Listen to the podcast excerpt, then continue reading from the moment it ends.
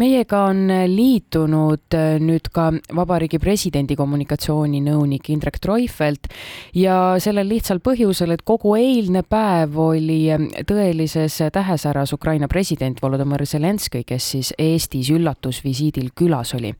kui me äsja küsisime Põhja prefektuuri operatiivjuhilt, et kuidas läks ja milline see äh, julgeolekuolukord lõpuks oli, siis teilt, Indrek, küsiksin hea meelega, et kuidas see korraldus siis lõppude lõpuks ikkagi välja nägi, kas me saame õigesti aru, et peamine kutsuja ei ole olnud mitte Vabariigi Valitsus ega ka keegi muu kui presidendi kantselei?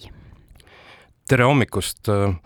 eks siin tuleb äh, natukene sõnade mängule mõelda, et äh, president, president, presidendi partner on president, ehkki me võime vaielda selle üle, et me teame, Euroopas on eri riike mõned on presidentaalsed, kus on presidendil nagu suurem roll, mõni president juhib ka täitevvõimu ja selles mõttes võib ju arutleda, aga see ei mängi praegu rolli, protokolaarselt on president presidendi külaline ja seetõttu selline lihtsalt öeldes jäme ots selle visiidi puhul oli ikkagi presidendi kantselei käes. kas president Äh, Alar Karis kutsus äh, president Zelenskõi Eestisse külla või oli see vastupidi, et president Zelenskõi teatas, et ta nüüd äh, näeks võimalust tulla? see kutse on olnud jõus pikalt. nii et eraldi enam kutsuda ei olnud vaja, et president Zelenskõi teadis hästi ja ma mäletan, käisime suvel ka Kiievis presidendiga ja siis ka arutleti selle üle, keegi küsis vist ühel üritusel, et millal siis president Zelinski võiks tulla Eestisse. ja siis äh, kostis selline mõte, et äh, tegelikult äh, Eestiga suhted on nõnda hääd, et otseselt noh, ei ole vaja tulla ja ajada asju siin, et, et tulen kohale ja siis räägin ja äkki siis on mingid tulemused nendel kohtumistel. aga noh, seekord nagu on ka juba täna ajalehtedest lugesin, et on nimetatud sellist mõistet nagu tänuvisiit, et see tänuelement on oluline ja visiit ilmselt on ka rahvale oluline, mitte niivõrd see küsimus, et mida siis koridorides tehti. sellest on küll juba palju räägitud, aga küsiks ühe korra veel, mitmel korral siis on president Zelenskõi üritanud Eestisse tulla? ma neid kordi ei loeks, sest äh, sellistel puhkudel, noh, see on, see on see kuhja küsimus, et äh, millisest hetkest me seal räägime sellest, et visiit hakkab nagu toimuma et see on üsna tavapärane, et äh, peetakse kõnelusi, noh, meil on ka äh, päris mitmeid visiite kavandamisel, millal siis see hetk on, et äh, läheb asjaks. sest siin tuleb ju arvestada ka kalendritega, igasuguste poliitiliste sündmustega, mis eri riikides on, et noh, nii nagu päris ma loendada ei saaks natuke, natuke naljakas oli, olen lugenud jah, neid käsitlusi, et noh, mitmes kord siis oli. ma arvan, et niisugust lugemist teha ei saa. Te olete Vabariigi Presidendi kommunikatsiooninõunik, töötate presidendi kantseleis ja olite väga tihedalt selle korraldusega seotud. kuivõrd pingeline oli eilne päev teie meeskonna jaoks? ma ei ütleks, et see nüüd nagu ekstra pingeline, muidugi sa tunnetad seda teatavat äh, ajaloolisust selle visiidi juures. no minu seisukohalt keeruline oli selline kompromissi leidmine. ma ütleks, et see töö on samasugune loominguline töö nagu noh, näiteks ajakirjaniku töö. no mis ma toon näiteks, et noh, sul on niisugused ristuvad huvid, et sa tunnetad ühelt poolt ajakirjanduse noh, loomulikku ja sügavat huvi, nad on kõik huvitatud sellest, et võimalikult palju oleks seda aega koos äh, külalisega, kõrge külalisega, aga samas on sul ka surve, et see programm peaks edasi minema, eks, ja sa ei saa seda umbe jooksutada oma pressielementidega, nii et noh, vot selline, see pingelisus oli kuskil nagu selle koha peal, et kus, kus see kompromiss siis on, et et äh, noh, mingid kellaajad, aga see on ka väga tava, tavapärane, et pannakse kellaajad paika ja need päris täpselt ei kehti, mõnikord on isegi ka turvakaalutlused sellega seotud veidi ka üliharuldasest teenete märgist. ma saan aru, et president tegi ju selle avalikult teatavaks pressikonverentsil, et, et ta soovib anda siis Ukraina äh, sõdurile teenete märgi. kas ähm, äkki oskaksite selgitada, miks siis nüüd nii üliharuldane neile, kes ähm, selle teemaga võib-olla nii kursis ei ole, nagu näiteks mina? et ma saan aru, et seda polegi enne antud nüüd taasiseseisvunud Eesti ajal ja taasiseseisvunud Eesti ajal ei ole seda antud, seda on enne sõda tehtud. ja see on niisugune sümboolne akt, et me anname sümboolselt kõigile Ukraina sõduritele selle vapruse eest, selle eest, et nad seisavad ka meie vabaduse eest. see on jah, et tuleb siin rõhutada seda sümboolsust. mis puudutab üldse, noh, see teenetemärkide teema on alati, see on ka rahvusvahelises suhtluses on nii ja naa, on ka neid hetki, kus äh, vahetatakse lihtsalt teenetemärke vaikselt nii-öelda, mis on väga tava, tavapärane. Äh, nüüd äh, ja alati on ka teenetemärkide vahetamise puhul see küsimus, et see ei ole ainult sinu otsustada, vaid noh, see lepitakse kokku kahepoolselt, et siin oligi see lõpuks, et see sellisel moel sai annetatud presidendi poolt, see oli siis selle suhtluse tulemus, et nii oli ja ma arvan, et üsna elegantselt, sellisel moel, mis sobis ka külalisele. Postimehes Meelis Oidsalu kirjutab täna, et president Zelenskõi esialgu ei tahtnudki ordonit vastu võtta, kas see vastab tõele?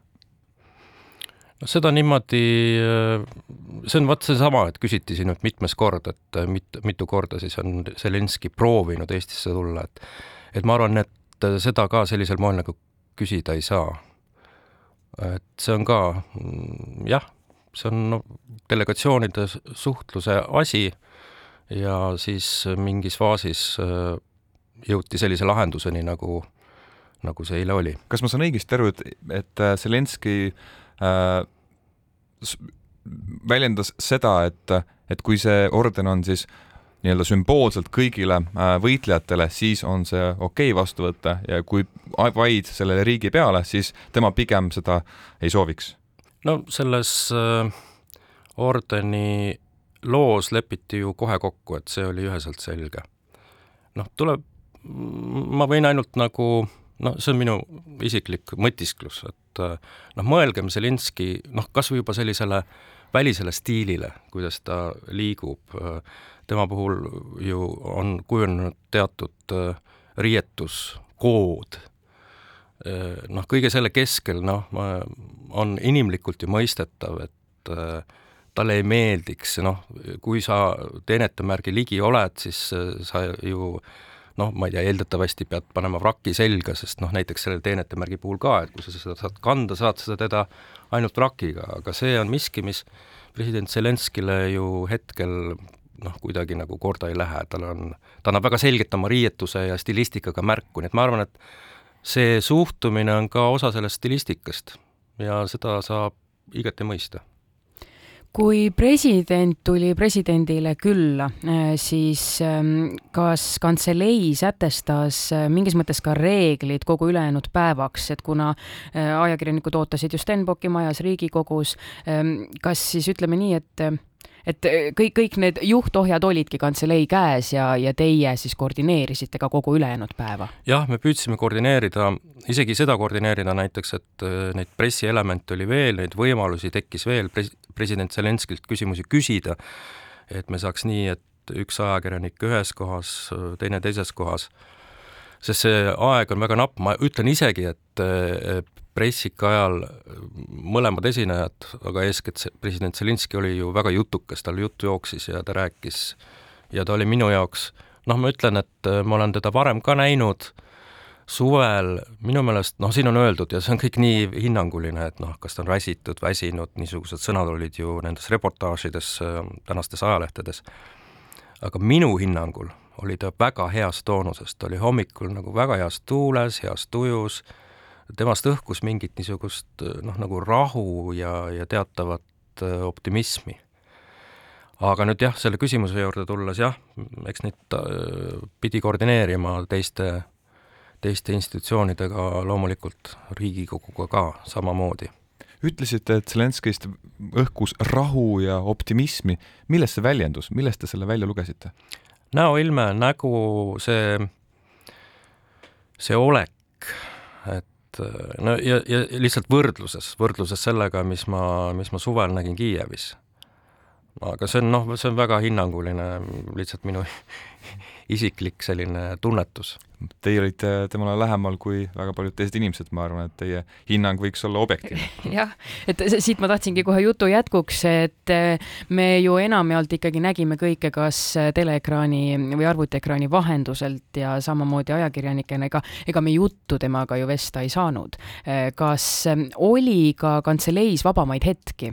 see kogu eilne päev oli ütlemata ametlik, oli ju üks pressikonverents teine, teise järel, pildistamised, allkirjastamised, et kas kantseleis oli hommikul Kadriorus hetke, kus äh, päriselt istusitegi kogu kantseleiga temaga võib-olla maha, jõite kohvi, rääkisite niisama eluolust, kui palju seda vabadust nii-öelda oli?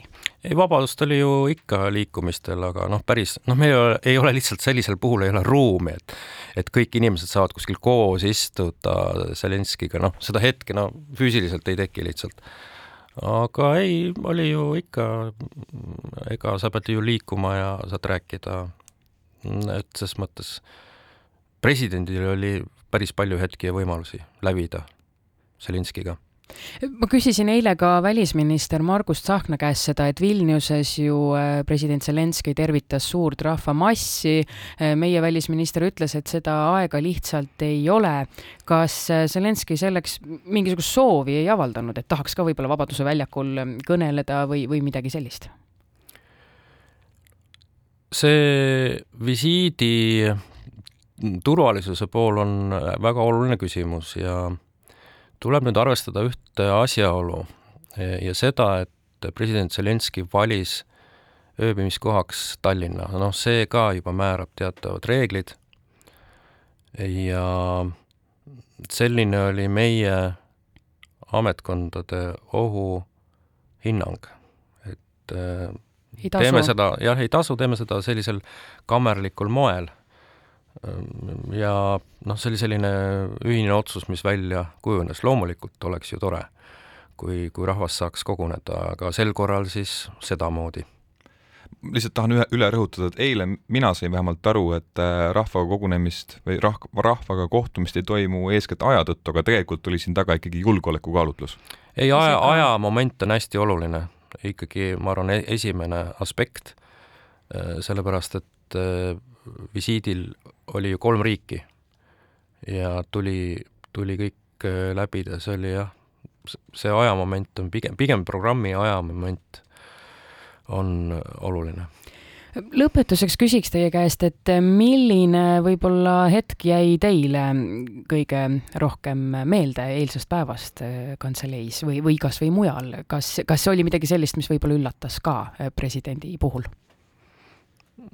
ma ei oska mingit üllatust välja pakkuda, aga noh, minu jaoks see vahet vahetu, vahetu vestlus, mis oli meil, kui oli see delegatsioonide kohtumine, et alguses oli see nelja silma vestlus ja siis natukene suuremas seltskonnas ja ja seal ma tunnetasin tõesti seda sellist äh, soojust ja ja noh, niisugust asjalikkust ja noh, teatud niisugust mõnusust, et äh, oli tore olla. kas järgmine visiit on ka paigas? Või, või mõtted vähemalt sinna suunda läinud? siis üleüldse presidendi visiit? jah, Zelenskõi visiit. Zelenskõi visiit?